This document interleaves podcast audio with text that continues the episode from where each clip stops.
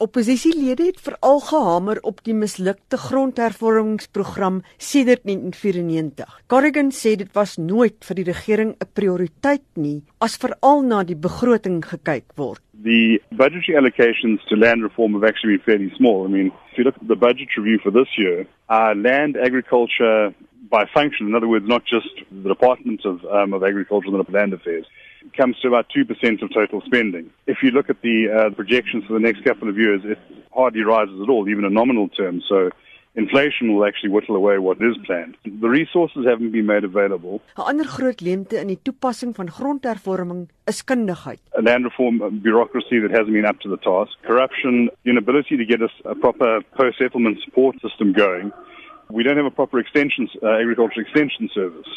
Time after time, land was handed over to beneficiaries who needed support who were just not able to get it. Over the last couple of years, the focus has actually changed from transferring land to beneficiaries to uh, making beneficiaries tenants of the state, which means that they can't even use the land that they're supposed to work for collateral. There's nothing surprising that we didn't get a successful result there. Skuldlas van boerderye beloop volgens Corrigan sowat 180 miljard rand waarvoor die plase die sekuriteit is. If the government uh, empowered itself in this way, financing for agriculture would decline very, very rapidly. Um, I don't think that it is possible to arrange this in such a way that we get increased agricultural production, we get food security, and we get expropriation without compensation. They just don't uh, act together.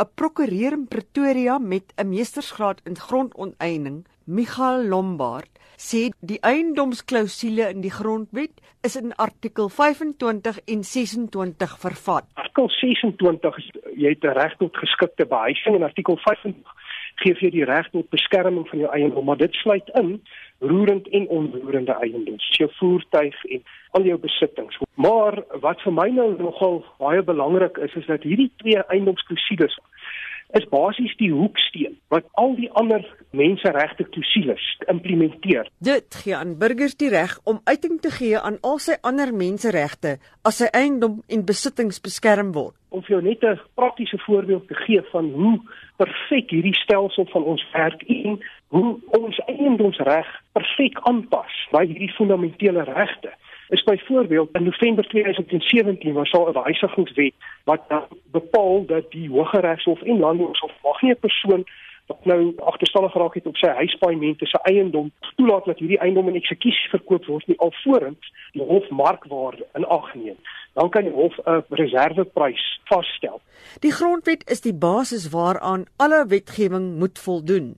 Die fundamentele regte van al die burgers moet in ag geneem word in die hantering van eiendom wat volgens Lombard die belangrikste rol op die sosio-ekonomiese en politieke vlak in Suid-Afrika vervul. Hierdie statistieke van die SA Reservebank in 2007 was die blootstelling van banke in Suid-Afrika ten opsigte van residensiële eiendom was 923 miljard rand kommersiële eiendom 274 miljoen en landbougrond was net 'n bietjie laer as die kommersiële grond. Dit sal volgens Lombard 'n lang proses wees om die grondwet te verander. Onteiening kan reeds teen vergoeding plaasvind indien dit in die openbare belang is. Billikheid is om die ewewig te behou tussen die openbare belang en diegene wat geraak word. Vir my op hierdie stadium, en ook in aggenome as nou sê ja, die konstitusionele komitee gaan nou die wysiging oorweeg nou met Augustus, moet dit nou openbaar maak en dan gaan dit nou blootgestel word publieke deelname.